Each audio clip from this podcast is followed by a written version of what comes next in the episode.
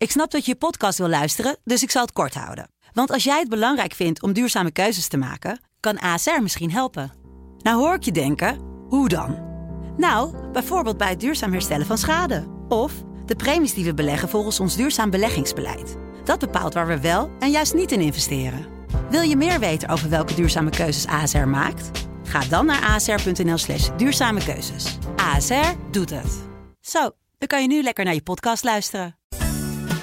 Ze zijn jong, zijn nog jong. En hun harten liggen op hun tong.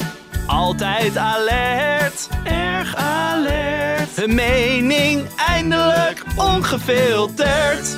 Dit is Ongefilterd met Kitty en Elif. Welkom bij een speciale aflevering van uh, Ongefilterd met Kitty en Elif. We gaan het vandaag hebben over de crisis uh, die gaande is en de dreigende derde wereldoorlog. En... Ik uh, wilde even benoemen dat de, onze intro-tune echt heel erg contrasteert met dit onderwerp. Nou goed, we krijgen binnenkort een andere tune, maar we zijn er nog niet zo goed uit wat we willen. Dus uh, jullie zullen het hiermee moeten doen, uh, ja. lieve luisteraarsjes. Anyway. Oké, nou, ik was dit weekend gezellig met mijn familie. En toen opeens kwamen de pushberichten binnen dat uh, Poetin dreigt met een nucleaire oorlog. Ik vroeg me af waar jij was op dat moment. Ik zat op dat moment in de auto in... met heel zonnig weer en eigenlijk heel, heel chill, nou, voor zover dat kon. En toen kwam dat pushbericht erdoor, of dat was een radiobericht wat er doorheen kwam. En toen dacht ik, fuck. ja, en hoe ging het met je anxiety levels op dat moment?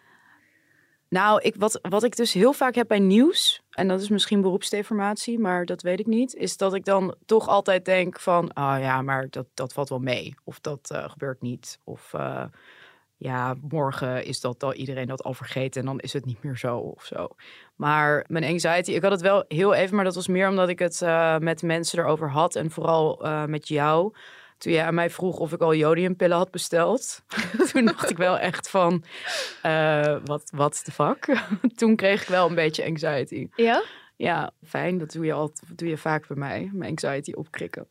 um, maar jij, lig jij er wakker van? Nou ja, goed. Ik was dus um, gezellig uh, met mijn familie aan het lunchen bij mij thuis. En um, ik was dus met mijn lieve oude tantetjes. Die uh, de Tweede Wereldoorlog ook hebben meegemaakt. Of mijn ene tante is van na de oorlog en de ander is tijdens de oorlog geboren. Dus die zijn allemaal vrij nuchter. Dus die... Ja. En, maar mijn nicht was er dus ook. En mijn nicht is meer gewoon anxiety modus, zoals ik. Dus die zat echt zo, oké, okay, je moet echt, je moet echt jodiumpillen gaan bestellen. Dus ik had oh, dat van dus haar. daar had je het van. Ja, okay. en zij zat zo van, uh, nee, dat is echt doodeng dit. En ik moet wel zeggen, ik vond het ook wel echt eng. Dat je echt denkt, wat, wat gebeurt hier? Gewoon, wat maken we mee? Ja. Moeten, wij, moeten wij nu serieus gaan vrezen? Dat is toch een heel bizar idee. Kijk, Ja. op het moment dat er iets in de Oekraïne, denk je, oké, Oekraïne. Maar nu liggen er allerlei scenario's op tafel dat je denkt van, holy shit, gaat het gewoon echt deze richting opkomen? Ga ik zo meteen... Ja. ja, ik vind het echt heel Zijn er nog wel matcha lattes te krijgen zo meteen? Ja, ik denk het niet, Kitty. Nou, dus die vragen hadden we. en ehm hangt natuurlijk de dreiging van een derde wereldoorlog. Ja, we willen eigenlijk even vragen aan mensen. Hoe realistisch is dat dat er, er komt? Wat is eigenlijk het ergste scenario? En hoe realistisch is het dat dat scenario uitkomt? Om eigenlijk wat meer uh, verheldering te brengen in, in de overdaad aan nieuws die we momenteel hebben. Daarvoor gaan we bellen met uh, Nausicaa Marbe, onze columnist. Is het Marbe? Ik weet het nooit. Nausicaa wel. Marbe of Nausicaa Marbe? Nou, ik belde er gisteren, volgens mij is het toen Marbe. Maar goed, we kunnen het zo even aan haar vragen, want we gaan haar bellen. En we bellen met Wier Duk en we bellen met onze huispsychiater Esther van Venema. En uh, zij gaat Steun en ons, uh, toeverlaat. onze steun en toeverlaat. Zij gaat ons uh, door de Derde Wereldoorlog angsten heen coachen. Nou, laten we Nausicaa gaan bellen. Zij komt uit Roemenië oorspronkelijk. En um, ze heeft uh, recentelijk een heel mooi boek daarover geschreven. En um, zij schreef een um, hele heftige column. Dit is de oorlog die Poetin wilde. We gaan haar even vragen wat ze daarmee bedoelde. Dit is de receptie van Ongefilterd met Kitty en Elif. Ik verbind u door. Hi Nausicaa, met Kitty en Elif. Hi. Hi. Hey, we lazen jouw uh, column. Ja. En we waren benieuwd, wat jij beschrijft eigenlijk, want uh, jij bent geboren in uh, Roemenië. Ja. En ja, dat je vrienden hebt uit het Oostblok die tegen jou zeiden: Denk maar niet dat we ooit veilig zijn voor de Russen en jullie in het Westen zijn dat ook niet. Ja. Hoe bedoelden ze dat? Nou ja, kijk, de generatie van mijn ouders die heeft de uh, inval van het Rode Leger meegemaakt. Hè? Aan het eind van de Tweede Wereldoorlog. En dat was buitengewoon vreed en, en, en vreselijk. En het werd eigenlijk een bezetting die ook nog eens uh, 40 jaar duurde. En uh, onder Russische bezetting als onderdeel van het Oostblok is Roemenië gewoon echt totaal vernietigd. In heel veel opzichten. En um, voor de generatie die de bevrijding uh, heeft meegemaakt, de val van de muur en het uiteenvallen van de Sovjet-Unie, kwam er hoop dat we in een, uit de Koude Oorlog kwamen in een soort heel andere balance of powers terechtkwamen. Waarbij dus Rusland niet meer de altijd te vrezen agressor zou zijn die je totaal kon vernietigen. Want we hebben gezien wat ze gewoon in uh, Tsjechië hebben gedaan, wat ze in Hongarije hebben gedaan. Landen die kwamen in opstand en meteen rolden de Russische tanks naar binnen. En vielen er doden. We dachten van die dreiging af te zijn. Maar de generatie van mijn ouders, die zeiden van denk dat maar niet. Je bent er nooit vanaf en er kan altijd iemand in het Kremlin aan de macht komen die weer dat grote en dat grote tsaristische Rusland wil hebben en dat grote Sovjet-Rusland terug wil hebben en die er alles aan zal doen om in geval het verloren Oostblok weer erbij te betrekken en het Westen zal bevechten. Dus deze uh, grondhouding van totaal wantrouwen jegens een Sovjet, uh, Sovjet kijk, zo noemden ze hem en zo noem ik ze nog steeds. En ik vind, ik vind eigenlijk Poetin ook een, een soort Sovjetleider, omdat hij gewoon echt die grote droom van een Sovjet-Rusland koestert en, en dat, het grote imperium terug wil hebben. Ja, dat is, is dus om constant te vrezen. Ik was er een beetje huiverig over, omdat ik natuurlijk zag dat uh, de wereld veranderde en dat er verschillende presidenten aan de macht kwam in Rusland. Nou, onder andere Gorbachev en, uh, ja. en Yeltsin. Yeltsin was heel erg pro-westers. Met hem kon je echt denken van nou, we gaan echt een, een, een, een lange periode van detente, van vrede in. Nou ja, dat is dus gewoon echt... Uh, en zelfs met Poetin later kon je niet vermoeden dat hij gewoon echt zo zou radicaliseren dat hij echt oorlog zou willen voeren. Of ook in zijn uh, geopolitieke eisen. Bijvoorbeeld dat alle Oostblokslanden uh, die nu onderdeel zijn van de NAVO gewoon echt uh, eruit zouden stappen. Ja, dat is ongekend. Ja. Je eindigt je column met een hele ja, omineuze zin. Want je schrijft, je denkt het ergste te hebben gezien. Het zal veel erger worden. Wat bedoel nou je daarmee? Ja, ik heb die zin geschreven op de eerste dag van de oorlog in Oekraïne. Toen, toen de echte troepen nog maar mondjesmaat binnenkwamen. Ik wist toen al, dit is gewoon echt niet zomaar een exercitie, een troepenexercitie van Poetin. Als het nodig is, daar gaat hij gewoon echt steden helemaal plat bombarderen. Als het nodig is voor hem, hè? dus in zijn uh, waan, gaat hij gewoon vluchtelingenstromen bombarderen. En nu zit er een kolonne van 60 kilometer Russische oorlogstuig is het land binnengekomen. 60 kilometer, dat is dus gewoon Amsterdam-Den Haag of zoiets. Hè? Het, ja. het is onvoorstelbaar.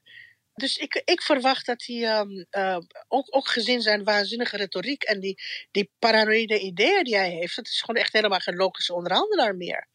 Kijk, als je, als je het zou hebben gehouden bij de bufferzone, dat is misschien nog een logische wens van hem. Daar kon je over praten. Hij wil een bufferzone hebben. Maar wat hij nu allemaal aan het doen is, desinformatie naar zijn eigen land toe en totale opfokken zichzelf opfokken met de nazi's en, en een prijs op het hoofd van, van, uh, van Zelensky. Hè, die moet dus gewoon weg. De, de, regering moet afgezet worden. Ja, dat zijn totaal onhoudbare eisen. En toch stelt hij die. Dus de enige uitweg hieruit is dat hij aftreedt. Dat zal hij dus nooit doen. Dat hij afgezet wordt. Dat er een koep tegen hem komt voordat hij nog meer uh, uh, bijvoorbeeld kernwapens inzet. Nou ja, ik zie dat nog niet gebeuren. Hij is toch behoorlijk stevig in het zadel. En zijn andere uitweg is, is dat hij gewoon echt ongelooflijk militair escaleert in Oekraïne. En dat hij uh, luchtmacht inzet en dat hij in, uh, kruisraketten inzet. Ja, en dan, dan, dan zitten we met een enorm probleem. Maar dan zou het ook verder gaan dan Oekraïne. Zou hij ook dan andere landen proberen in te nemen, denk jij? Nou ja, zelfs als het niet verder gaat dan Oekraïne, zelfs als dat niet verder gaat, zitten wij met een enorm probleem als hij het hele land bombardeert. Ja. Als hij gewoon echt een soort Grozny van maakt. Ja. Dus echt uh, als de Tsjetsjense oorlog. Ja. Dan komt er een moment eigenlijk dat de NAVO niet meer stil kan zitten. Ja. Dan moet er gewoon ingegrepen worden. Dit soort dingen kun je niet laten gebeuren in het uh, hart van Europa. Ja, en dan Eh, zijn dat- wij in oorlog eigenlijk met... eh, Dan zijn we in oorlog. Ja. Het zou ook kunnen zijn dat hij gewoon echt provocaties met provocaties begint aan de grenzen. Aan de Poolse grens, aan de, aan de Roemeense grens. En dan kan er altijd gewoon echt een incident eh, ontstaan, een, een casus belli, Ja. waardoor een antwoord moet komen. Ik ik denk niet dat hij schoomt om, om zo, zo ver te gaan.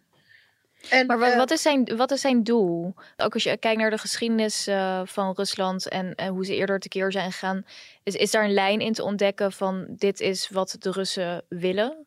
nou ja, de Russen, in dit geval heb ik het over Poetin. Ja, Want we hebben voor Poetin ook Russen gehad die, die eh, wel normaal doen. met het Westen willen samenwerken. Ja, hij is enorm geradicaliseerd. En hij kan ook de, de wereld niet accepteren zoals hij nu ingedeeld is. Hè? Als hij gewoon echt zou kunnen accepteren dat er een uitbreiding van, van de NAVO plaatsvindt. Maar dat, dat, daar is dus gewoon geen sprake van. Of er een lijn is, ja, eh, tot en met de bufferzone had ik een lijn kunnen zien. De destabilisatie van, het, eh, van Europa, dat is ook niet voor niks gebeurd. Je gaat niet zomaar fake news eh, en hackers de wereld inpompen en, en enorme polarisatie eh, teweeg brengen in, in, in andere landen. ja, want wat is het doel daarvan dan?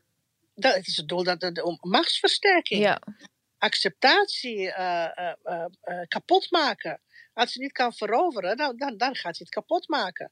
Een machtsvertoon, machtsgreep. Het is gewoon echt heel totalitair. En ook eigenlijk agressief en oorlogszuchtig. Hè? ja. We zijn niet meer gewend om dat erin te lezen. Op het moment heeft hij wel een heel groot probleem, omdat hij zich toch een beetje vergist heeft in, eh, in eh, hoe de wereld en hoe, hoe Oekraïne deze oorlog beantwoordt. Hij dacht dat hij gewoon echt uh, tekeer zou kunnen gaan, zoals altijd.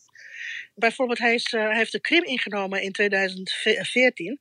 Toen is er niks gebeurd, er is helemaal geen respons gebeurd. Nou ja, hij dacht met sancties weg te komen. En sancties kan hij aan, hij heeft enorme buffers. Maar het ziet er naar uit dat er nu gewoon echt. Um, dat hij de support uit de hele wereld verliest. Ja. En dat hij ook een enorme tegenkracht ontmoet in Oekraïne. En dat er gewoon ook militaire mobilisaties uh, plaatsvinden. Dat er gewoon echt heel, heel, heel strenge sancties komen. En dat had hij natuurlijk niet verwacht. Dus natuurlijk, het zou heel verstandig zijn als hij een exit-strategie voor zichzelf onderhandelt. Maar daar is op dit moment nog geen sprake van. En Mogelijk doet hij dat pas nadat hij gewoon echt uh, Oekraïne in puin heeft geschoten. Ja. ja. En hoe kijk je naar, uh, want, want ik vind jou ook altijd heel goed en stevig daarin um, met, met grenzen trekken, wat, wat eigenlijk um, ja, richting extreem rechts en uh, eigenlijk elke vorm van extremisme. En ik vroeg me af hoe jij nu kijkt naar, naar hoe er wordt gereageerd door uh, nou, partijen als Forum, of nou niet partijen, maar Forum voor Democratie en uh, ja. wat daar een beetje omheen hangt, die toch eigenlijk gewoon het goed praten wat Poetin doet. Ja, dat is, dat is krankzinnig en dat is kwaadaardig. En dat is ook een totale misleiding van, uh, van de kiezers. Want het antwoord op, uh, op vrede en op. op uh, het antwoord op alle problemen die Nederland heeft. en die het Forum voor Democratie zegt aan te kaarten. is niet Poetin. En is ook niet steun aan Poetin. Poetin is een totale destructie. Dat is totale vernietiging van een civic society, van democratie, van vrede, van stabiliteit. Dat is het ergste wat je kunt hebben qua politiek model in Europa nu. En uh, als je dat gaat aanhangen, uh, en dat heeft Baudet openlijk gedaan, ja, dan ben je gewoon echt niet alleen maar uh, krankzinnig, maar ook kwaadaardig bezig. Ja.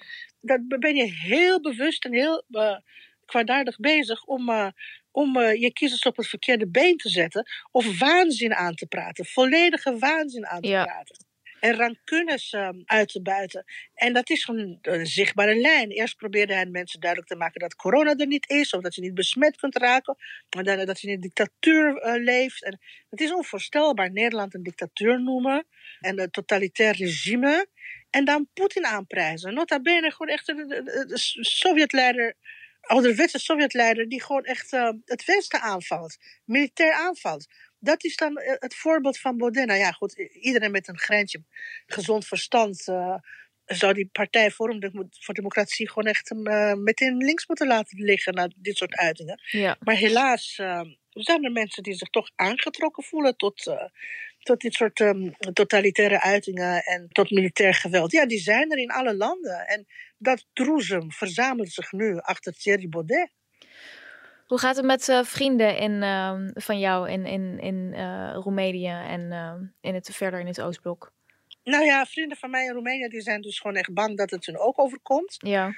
Want die hebben gewoon echt nooit het idee opgegeven dat gebeurt niet. Ze denken, oh, Moldavië kan zo ingenomen worden. En uh, de tanks rollen zo door naar het noorden van uh, Roemenië. Maar ze zijn op het moment voornamelijk bezig met het inzamelen van spullen. En voor Oekraïners en het opzetten van, van, van hulpacties en, en dit soort dingen. Dus dat is, ja. dat is ik vind het bewonderenswaardig. Niet alleen maar Roemenië hoor, maar echt de eerste dag van de oorlog stonden er al in Moldavië. Een van de armste landen van Europa, misschien het armste. Enorme vluchtelingenkampen, al paraat, tenten, medische zorg stond al klaar ja. voor de opvang van vluchtelingen. Hongarije, Tsjechië, Polen. Polen en Roemenië hebben de, de grootste grenzen met, met Oekraïne. Het is onvoorstelbaar wat er allemaal um, op gang gekomen is. En er zijn natuurlijk ook veel, veel kerken en NGO's en christelijke NGO's die meedoen, maar er zijn ook heel veel burgers ja. uit die plattelandscontrijen. Mensen die het absoluut niet breed hebben. Maar iedereen brengt wat hij kan en doet wat hij kan. En biedt opvang voor kinderen of voor, voor, voor huisdieren of vervoert mensen of uh, geeft beltegoeden of geeft oude telefoons. Het is ongelooflijk creatief en heel mooi. Ja. En daar had Poetin niet op gerekend. Daar had Poetin niet op gerekend. Het is gewoon echt een enorme uh, revival van de civic society in, in, in, in de Oostbloklanden, die uh, voormalige Oostbloklanden, die misschien ook wel niet altijd op een lijn zitten. Maar hierin hebben ze gewoon echt met verenigde kracht uh, getoond dat ze in ieder geval een enorme humanitaire actie op de been kunnen brengen. Wat menselijkheid en wat hulp betreft een enorm front kunnen, kunnen bieden tegen de Russische agressie. Ja. ja. Op alle niveaus, echt op alle niveaus. Er zijn men, ik weet ook van mensen, die kappers, die zeggen: Oh ja, ik, ik ga gewoon echt uh, naar de grens en ik ga mensen gratis knippen en scheren en uh, dit soort dingen. Meer kan ik niet doen. Ja, geweldig. Maar dat gebeurt gewoon, hè? Ja. Van mensen die gewoon tienduizenden euro's geven voor uh, voedselpakketten en medicijnen, tot mensen die alleen maar met hun aandacht daar komen en kijken hoe ze kunnen helpen. Ja, ja dat is een, een wrang bijeffect. Maar van, dat helpt uh, niet tegen het plat bombarderen van steden, helaas. Hè. Dat is gewoon echt. Uh, daar zal een heel ander antwoord op uh, gevonden moeten worden. En wat dat betreft zijn we een beetje als NAVO met, ja, met de handen gebonden op terug. Dus ik zie dus gewoon sombere dagen. Ik verwacht sombere dagen, oorlogsdagen. Maar voor ons ook? Nou, voor ons weet ik het nog niet. We zijn, we zijn nog een grens verder. We hebben nog een, wij hebben wel een bufferzone. Hoe wrang het ook is om het te zeggen. We hebben natuurlijk nog, uh, nog uh, uh, Oekraïne als bufferzone. De grens met NAVO-landen is tot nu, toe, tot nu toe heilig. Maar ik kan me voorstellen dat er elk moment iets kan gebeuren. Ja, want het, Poetin begint het ook als een provocatie te zien, toch? Dat wij wapens ja. aan het leveren zijn en... Um... Ja. En stel je voor dat de provocaties gewoon echt uh, niet zo ver gaan dat je gewoon echt uh, moet antwoorden, maar constant zijn. Stel je voor dat je gewoon echt een periode krijgt van maandenlange provocaties. Dat is ook niet mals. Daar bezwijk je misschien ja. ook onder. Ja. Ja, dat is, het, is een, het is een totale, totale verandering van het machtsevenwicht in Europa en van uh, de vredesvooruitzichten, van het besef over verdediging en uh, over wat een leger betekent en wat je land betekent eigenlijk en wat je landsgrenzen betekenen. De hele rust en ontspanning en echt zeg maar, zeg maar de post-koude oorlogbeschaving die we nog uh, konden hebben, ondanks het islamistische terrorisme natuurlijk, want dat moest ook bestreden worden, maar dat komt niet met legers naar binnen.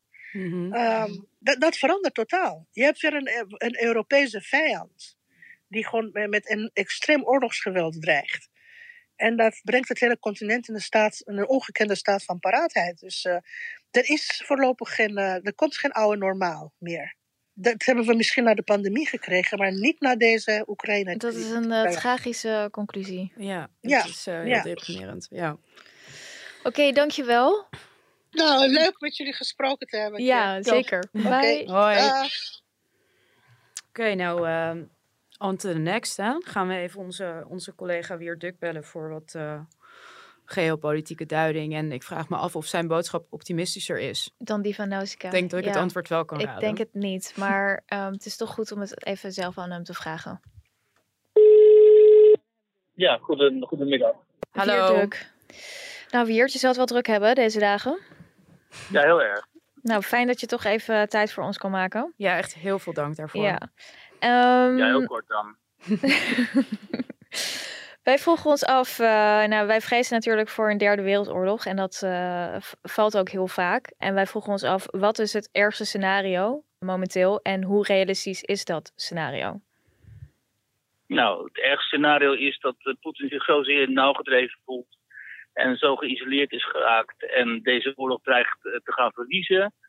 Dat hij besluit om ofwel tactisch kernwapen in te zetten op het slagveld, wat al enorm is, of dat hij uiteindelijk zo doordraait en gek wordt dat hij denkt van oké, wat de hel, ik druk op die knop wat hij zondag uh, niet heeft aangekondigd, maar waar hij zondag wel mee gedreigd heeft. In een hele opmerkelijke uitspraak uh, waarvan de haren mij althans de bergen deden reizen. Is het waarschijnlijk dat hij dat doet? Wat denk jij? Jij kent hem natuurlijk wat beter dan mij. Uh, nou, ik denk het niet. Maar ja, tot nog toe, ik ken hem al twintig jaar. En tot nog toe was hij altijd heel rationeel en, uh, en koud en uh, afstandelijk in zijn uitspraken. En uh, op een enkele keer na dat hij dan toch wat emotioneler werd en zo. Maar hij was altijd wel iemand die gewoon cool kan redeneren en zijn argumentatie op tafel kan leggen. En in die toespraken van de afgelopen weken was hij dat helemaal niet meer. Was hij echt aan het renten, zeg maar vooral die ene toespraak die vijf kwartier duurde ongeveer. Dat was dus echt fascinerend om te zien. Ja. Maar het was ook heel beangstigend, omdat uh, ja, dat was heel agressief.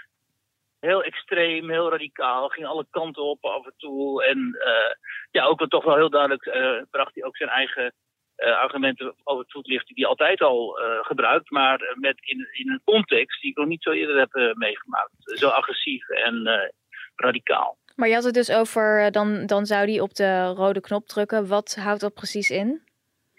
Nou ja, weet je, dat kan natuurlijk eigenlijk helemaal niet. Omdat uh, Poetin kan niet zomaar een knop in gaan drukken en zo. Maar mijn punt is eigenlijk, dit kan zo escaleren ook omdat dus de Europese Unie en andere westerse instituties, maar vooral de Europese Unie nu zoveel olie op het vuur gooit ook. Want wij zijn allemaal zo geraakt, kennelijk, door het lot van de Oekraïners. En het is allemaal heel erg begrijpelijk.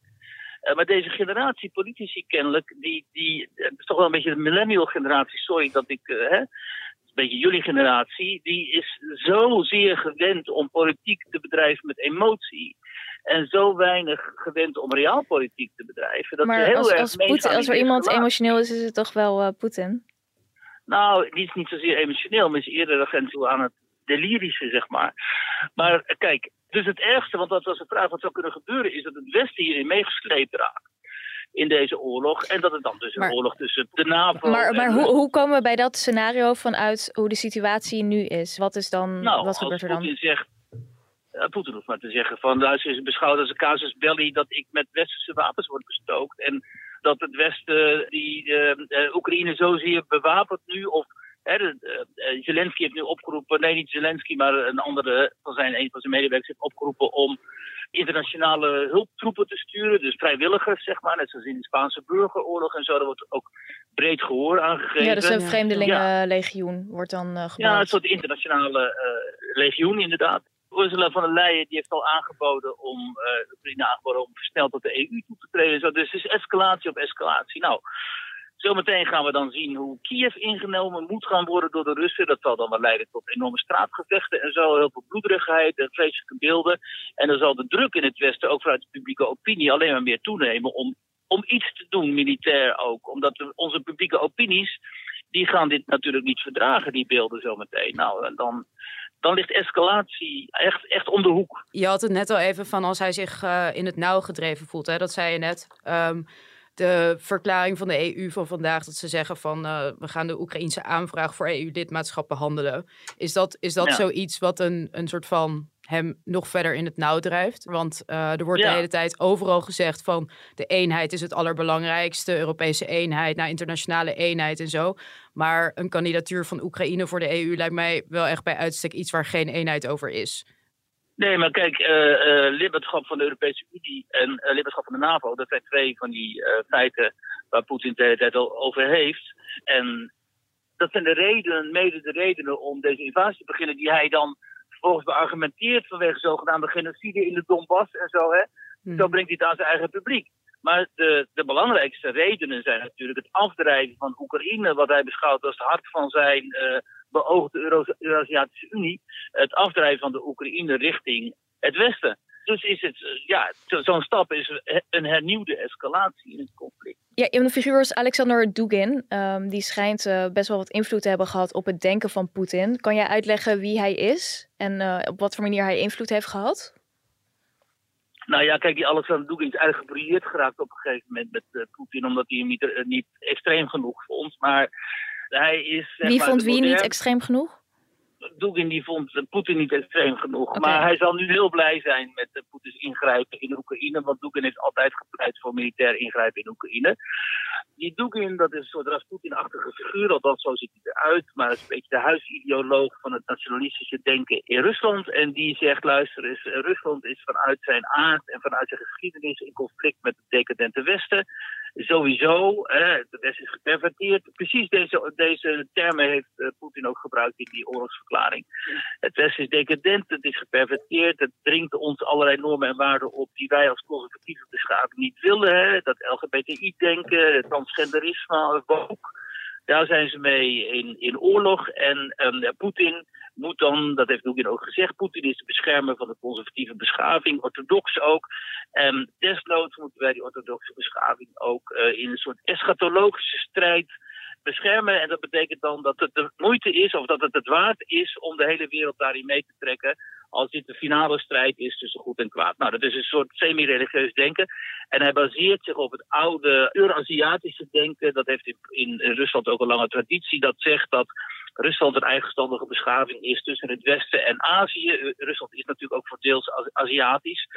En dat het de opdracht heeft, een soort messianistische opdracht, om binnen die Eurasiatische wereld, zeg maar, de orthodoxe waarden um, uh, uit te dragen en die te beschermen tegenover allerlei andere hordes, of ze nou vanuit het, uh, China komen of vanuit het Westen, dat maakt niet uit. En Poetin die houdt zich het recht voor om, om die beschaving, zoals hij het zegt, niet alleen te beschermen nu, maar die ook uh, weer vorm te geven binnen de oude grenzen van de Sovjet-Unie. En Oekraïne speelt daaraan, omdat Oekraïne een soort bakermat is van dat Russianisme en van, ook van de orthodoxie. Oekraïne speelt daarin gewoon een cruciale rol. Dus als het Westen Oekraïne binnen zijn invloedssfeer wil trekken, ja, dan raak je Poetin gewoon rechtstreeks uh, in zijn hart. Zeg maar. En ook je belemmert hem in de uitvoering van die opdracht die hij voor zichzelf ziet. Dus al die mensen die zeggen, joh, Poetin is gewoon een kille KGB'er. Die zit alleen maar te doen om zijn paleizen en zijn jachten en zijn geld en zo. Die vergissen zich, want ja, daar is het hem deels ook om te doen. Maar ander deel is dit. En uh, dat moet je niet onderschatten, hoezeer dat ook resoneert toch wel bij heel veel Russen. Wat daar ook binnenvalt is toch dat het liberalisme eigenlijk als de grootste vijand wordt gezien. Klopt dat? Uh, ja, dat klopt. Het liberalisme is natuurlijk de pervertering bij uitstek. Hè. Dat westerse liberalisme en ook de westerse democratie, daar hebben ze helemaal geen, totaal geen, geen enkel respect voor. Dat vinden ze eigenlijk een soort, uh, een soort tekenen van de zwakke mens, laat ik het zo zeggen. En de sterke mens heeft natuurlijk, hè, onderwerpt zich aan de sterke leider. Dus, uh, en leeft in een soort uh, gemeenschap met zijn eigen dorp, met zijn eigen collectief, met zijn eigen familie. Hè. Die leeft zijn familiewaarden uit en zo. Maar dat dat allemaal op een democratische manier zou moeten, dat vinden deze mensen allemaal flauwekul. En niet alleen dat, ook weet je, het westerse individualisme natuurlijk. Hè. Dat komt natuurlijk met het liberalisme, vat het samen. De manier waarop men hier omgaat met nou ja, het westerse materialisme. Waar, dat, daar moeten ze ook helemaal niks van hebben, zogenaamd dan. Hoewel ze de enorme huizen voor zichzelf laten bouwen en heel veel rijkdom vergaren. Maar uiteindelijk is dat voor hen dan toch kennelijk uh, niet uh, dominant. Nou ja, allemaal dat soort theorieën kun je daar terugvinden. En kijk, voor Poetin is het ook een manier geweest dat Eurasianisme eigenlijk om die Sovjetgeschiedenis te vermengen met uh, de tsaristische geschiedenis. Dus hij, natuurlijk, hij moest afrekenen met twee uh, lange periodes in de eigen geschiedenis.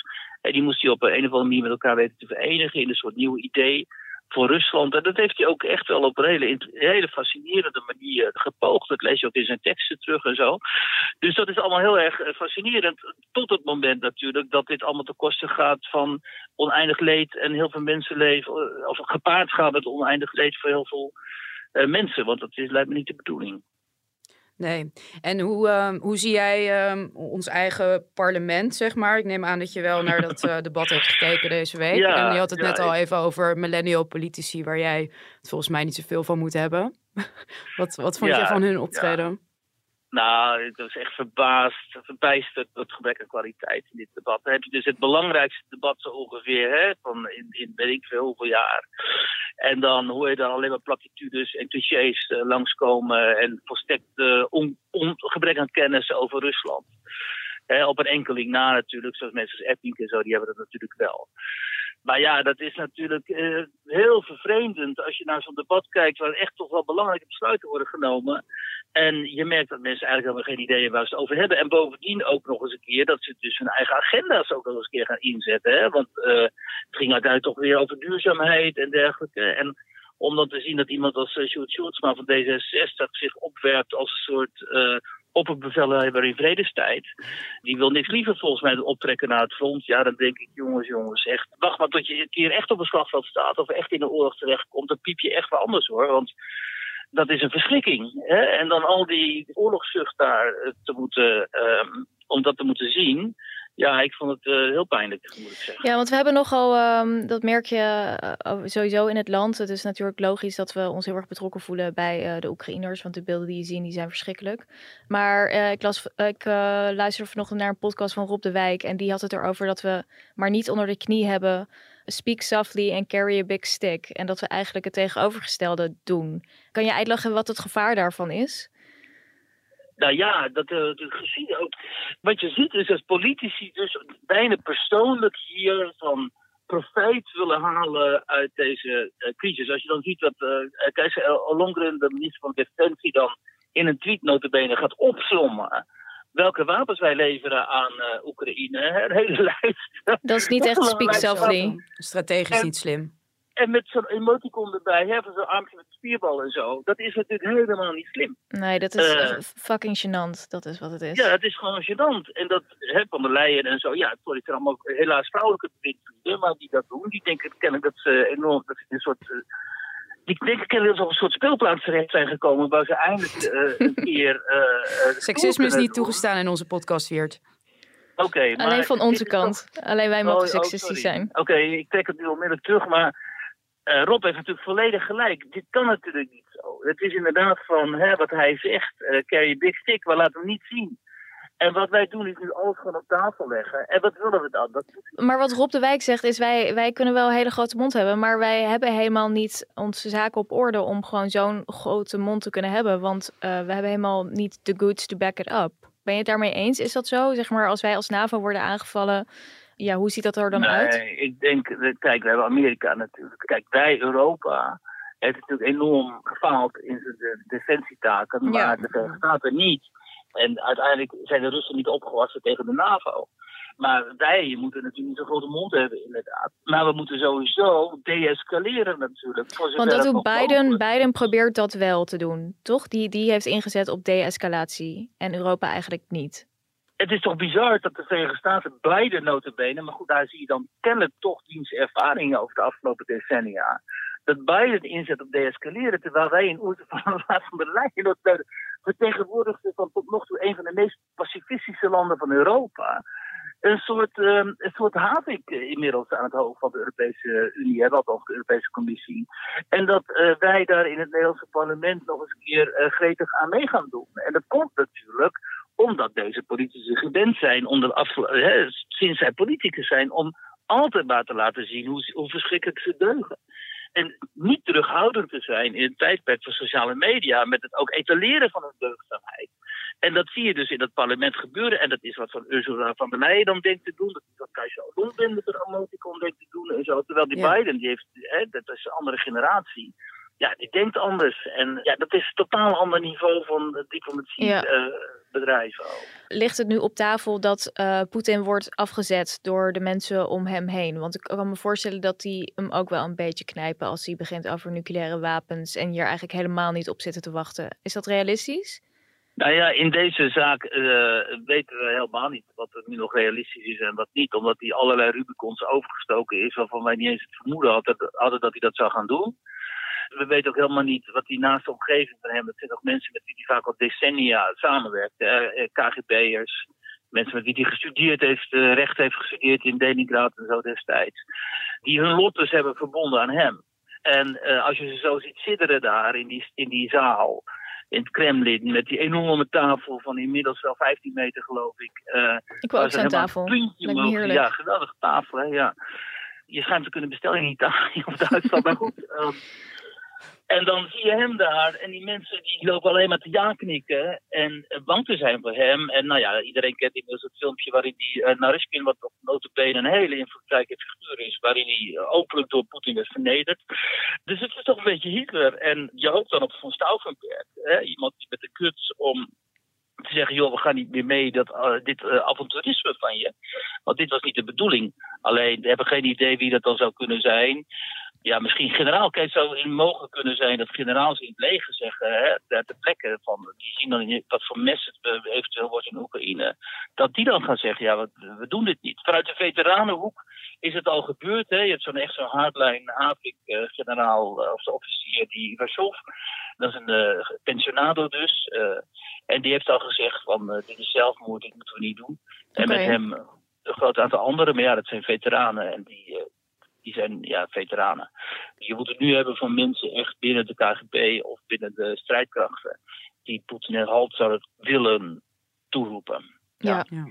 ja maar even de, de concrete vraag, Wiert. Komt er een derde wereldoorlog? En gaan we te maken krijgen uh, met nucleaire wapens? Uh, volgens sommige uh, waarnemers zitten we daar al in.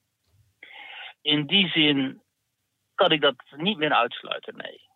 En of dat dan betekent dat er allerlei, dat er allerlei nucleaire wapens ingezet gaan worden, lijkt me sterk, want dan bestaat de aarde niet meer. Maar het kan wel zo zijn dat dit conflict ons meesleept en dat wij als Westen ook betrokken raken in een militair conflict met Rusland. En hoe ziet nou, dat er dan concreet uit? Als je, want als je het hebt over nucleaire wapens in Oekraïne, dan zou hij die inzetten gewoon op het slagveld. Maar kan dit ook betekenen dat bijvoorbeeld Rotterdam wordt gebombardeerd of Londen of aanvoerhavens of...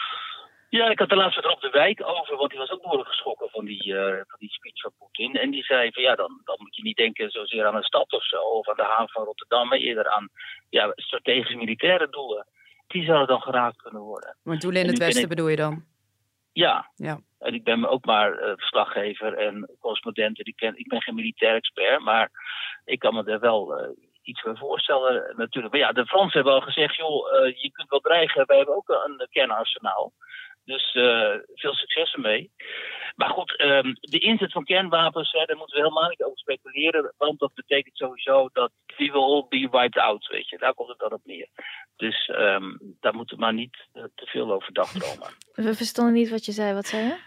En dat we allemaal naar de, naar de tering gaan, zei hij. Dat we okay. allemaal doodgaan. Ja. Okay, nou, ik, zei, ik probeer het in het Engels te zeggen, maar het was inderdaad niet zo. Nee, maar ik verstond je wel, ja. Nee, maar dat, uh, ik, vind het, ik vind het een mooie conclusie van dit gesprek. Ja, dat, ik, kan, ja, ik, ik zeg de hele tijd maar tegen iedereen die ik spreek van nou, ik hoop je weer, nog weer een keer te zien, maar ik ben ik het zeker. Dus uh, jullie ook dan, uh, dank voor het gesprek. Ik hoop jullie weer te zien, maar ik kan het niet met 100% Maar het is geen een soort uh, Zelensky. Maar het is geen kwestie van dagen of zo, toch? Nee, kijk, we moeten hier ook geen grappen over maken en ook, ook niet te alarmistisch zijn. Nou, dat is niet echt gelukt, Wiert. Nee, het enige reële scenario, denk ik, realistisch scenario, denk ik, is, want daar kunnen we het nog even over hebben dan, dat is dat het tot, een paleispoets komt in Moskou, waarin ja. Poetin ten val wordt gebracht. Maar dan weten we ook niet waar we aan toe zijn, want dat kan, alleen, dat kan leiden tot chaos en wanorde en dat kan leiden tot geweld op de Caucasus weer, waar dan separatisten misschien ook de kans uh, schoon zullen zien. Je moet er niet aan denken wat die Kadyrov vanuit Tsjetsjenië dan gaat doen met al zijn... Ja, dat, dat is die, uh, die skull uh, crusher. Ja, zeg maar de, de slager van Grozny. Het is echt doodeng. Doodeng getrouwen, die kan ook oprukken naar Moskou dan. Hè? Rukt hij op naar uh, Amsterdam? Dat is mijn vraag. uh, specifiek naar de Jordaan waar Kitty woont. Nee, dan wordt hij door de dappere Polen wordt hij dan eerst tegengehouden. Precies, zeg maar even, even concreet. Zeg maar, moet ik vrezen dat ik volgende week zaterdag geen Uber meer kan krijgen? Nee, daar moet je vooralsnog uh, niet voor vrezen. nee. ja, dan, ben ik dan ben ik gerustgesteld. Het kan nog met een scissor aflopen, toch? Of denk je dat dat geen optie meer is? Nee, dat is geen optie meer. Er is geen sisser. Ik zou niet weten hoe die eruit zou moeten zien. Nou, dat ze dan uh, toch uh, een soort wapenstilstand of zo? Of, nee, uh... nee, nee. Ik heb vandaag die Russische tv gekeken en ik zie die uh, Shoigu, de minister van Defensie en zo weer zeggen we gaan tot aan het einde, we zullen Oekraïne bevrijden van de nazi's en, en demilitariseren. Dus, en er zijn nu die, hè, die kolonne van 60 kilometer is al op weg naar Kiev. Dus ze zijn echt van plan om tot het einde daar uh, te vechten en, uh, en Kiev in te nemen. Dus, nee, want de enige sisser zou zijn als, als eigenlijk het Westen gewoon Oekraïne laat vallen, toch? Dat zou de sisser zijn, maar dat gaat niet meer gebeuren. Nou ja, dat doen we natuurlijk eigenlijk. Want kijk, we sturen wel wapens, maar we gaan niet militair ingrijpen. Dus als, als Oekraïne zou worden ingenomen, dan gaan we nog niet vechten daar. Dan zijn we alleen maar heel boos en dan gaat Sjoerd zo gaan nog harder roepen. Maar we doen niks. Ja, weet je dat heel zeker? Maar op den duur, als er heel veel burgerslachtoffers en we krijgen al die beelden hier, dan, dan, dan kunnen we toch niet niks doen? Ah ja, daarom zeg ik net, we zijn zo emotioneel, we staan er zo emotioneel in. Kijk, het is heus niet zo op dit moment dat al die steden daar nu worden platgegooid. Hè? Er is zeker oorlog, er zijn burgerslachtoffers, dat is allemaal heel erg. Maar het kan nog veel en veel erger. Ik was erbij toen Grozny van de aardbodem geveegd. Duizenden en duizenden doden. Je wist wat je meemaakt daar. En dat is nou niet het geval. En als we dat willen voorkomen, dat, dat er een nieuw Gros, dat Kiev een nieuwe Grozny wordt, dan moeten we vooral niet zo doen als dat, we, als dat we nu doen. Dan moeten we nuchter blijven, realistisch blijven, proberen om toch een lijn naar Poetin te openen, eventueel zelfs concessies te doen. Oké, dat moeten die mensen op diplomatiek niveau maar besluiten. Maar we moeten niet zo staan te schreeuwen in het parlement alsof we bereid zijn om met militaire ingrijpen ook de, de, de, de Oekraïners te verdedigen. Want dat zijn we niet. En het kan heel goed zijn dat als die Poetin alleen maar woester wordt, dat hij dan heel Kiev in de as legt, net zoals het, dat hij gedaan is met Grozny. En dan, dan krijgen we dus al die beelden die we toen uit Grozny kregen, maar nu uit Kiev, dat zijn onze buren. Gaan we, wat gaan we dan doen? Maar dan moeten we dus militair ook uh, daar... Precies. Daar, ja, oké. ja. En wat heb je dan? Oorlog met Rusland. Wat is dat? Derde Wereldoorlog. Ja. Oké, okay, thanks Wiert. We gaan Esther bellen om, om, uh, om dit uh, mentaal te verwerken, dit gesprek. Heel fijn. Dank dat ik even kon mensplenen dan in okay, jullie ja. podcast. Ja, dankjewel ja. daarvoor. Esther, help ons.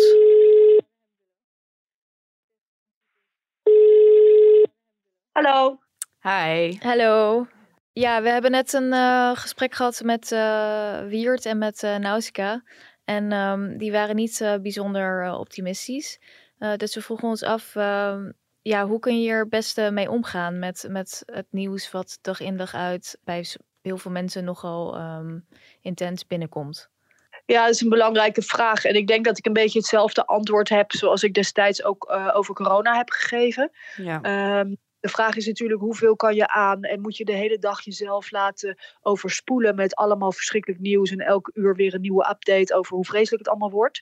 De vraag is natuurlijk, wat het, het, het nare en het angstaanjagende is het gevoel geen controle te hebben. Hè? Je, je, moet maar afwachten hoe het allemaal gaat lopen en of het voor ons gevolgen heeft. En nou, je hebt allemaal heel erg te doen met die mensen daar en de kinderen die allemaal uh, at risk zijn. Dus de vraag is of je jezelf de hele tijd daarin moet onderdompelen of dat je zegt van nou, ik ga één keer per dag eens even een update lezen of, of luisteren. Maar ik hou iets van regie in hoeveel nieuws ik tot mij wil nemen. Want ik denk dat het per definitie, hoe, hoe akelig het ook is, maar heel ongezond is om de hele tijd overspoeld te worden door dit soort negatief nieuws, waar je in feite ook op dit moment machteloos tegen staat. Maar je moet toch ook wel een beetje op de hoogte zijn? Dat wil je toch ook? Dat is heel belangrijk. Alleen de vraag is in welke mate, hè? met welke intensiteit, met welke frequentie. En natuurlijk moet je je niet isoleren en helemaal wereldvreemd erbuiten willen blijven. Maar de vraag is, wat kan je überhaupt aan om gewoon een beetje nog een, een, normale gemoedstoestand erbij te houden, te kunnen blijven functioneren, niet continu in de angst en de dreiging te zitten. Dus daar heb je wel wat knoppen waar je zelf aan kan draaien. Een soort van selectief struisvogelgedrag.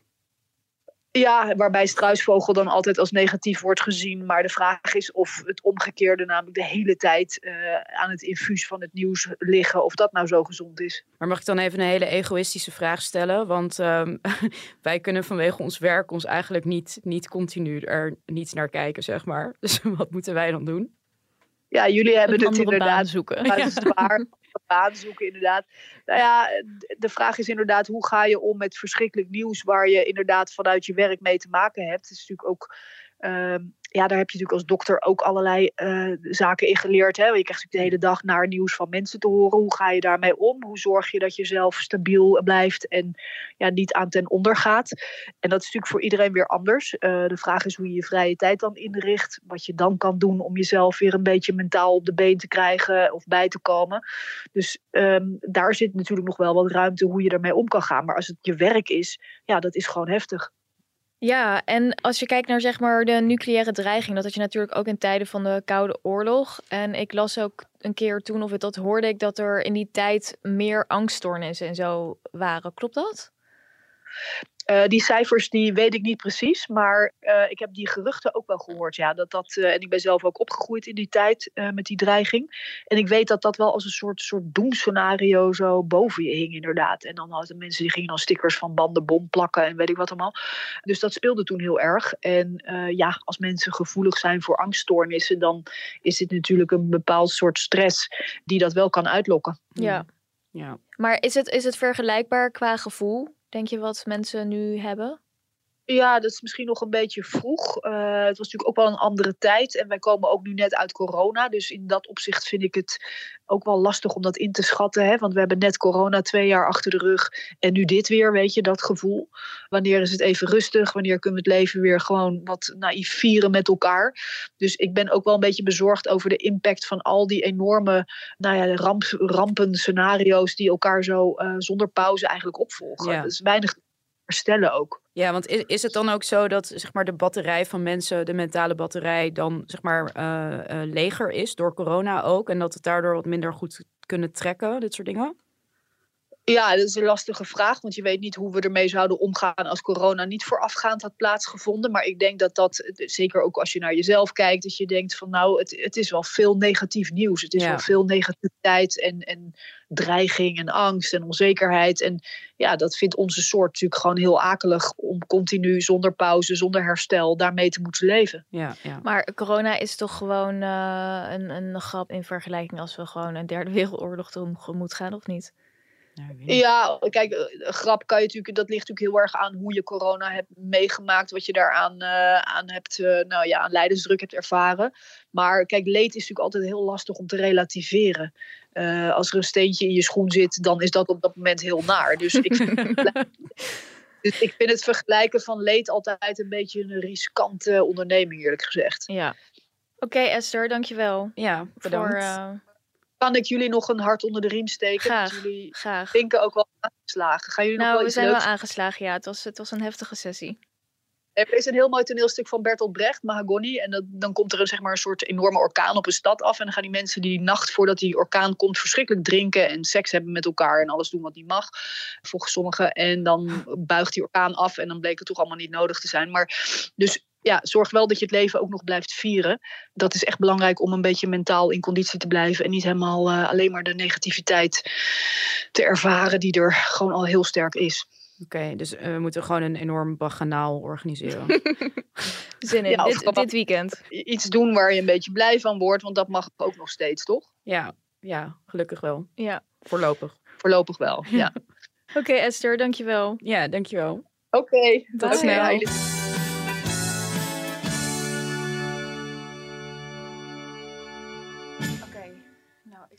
Ja, Kitty heeft haar jas al aan. Die is er helemaal klaar mee. Ja, dit was het. Um, het was niet heel bemoedigend, maar we hopen dat we jullie goed hebben geïnformeerd. Ik ga nu uit eten. Dus um... ja, je moet het leven blijven vieren. Leven blijven uh, vieren. Zij een wijze vrouw ooit. Ja. Um, ik ga weer aan het werk, dus uh, verschil moet er zijn. ja. Veel plezier, Edith. Dankjewel, jij ook. Bye. Doeg. Kleine disclaimer. Uh, we hadden jullie opgeroepen via social media om vragen in te sturen. Dat hebben jullie gedaan, maar...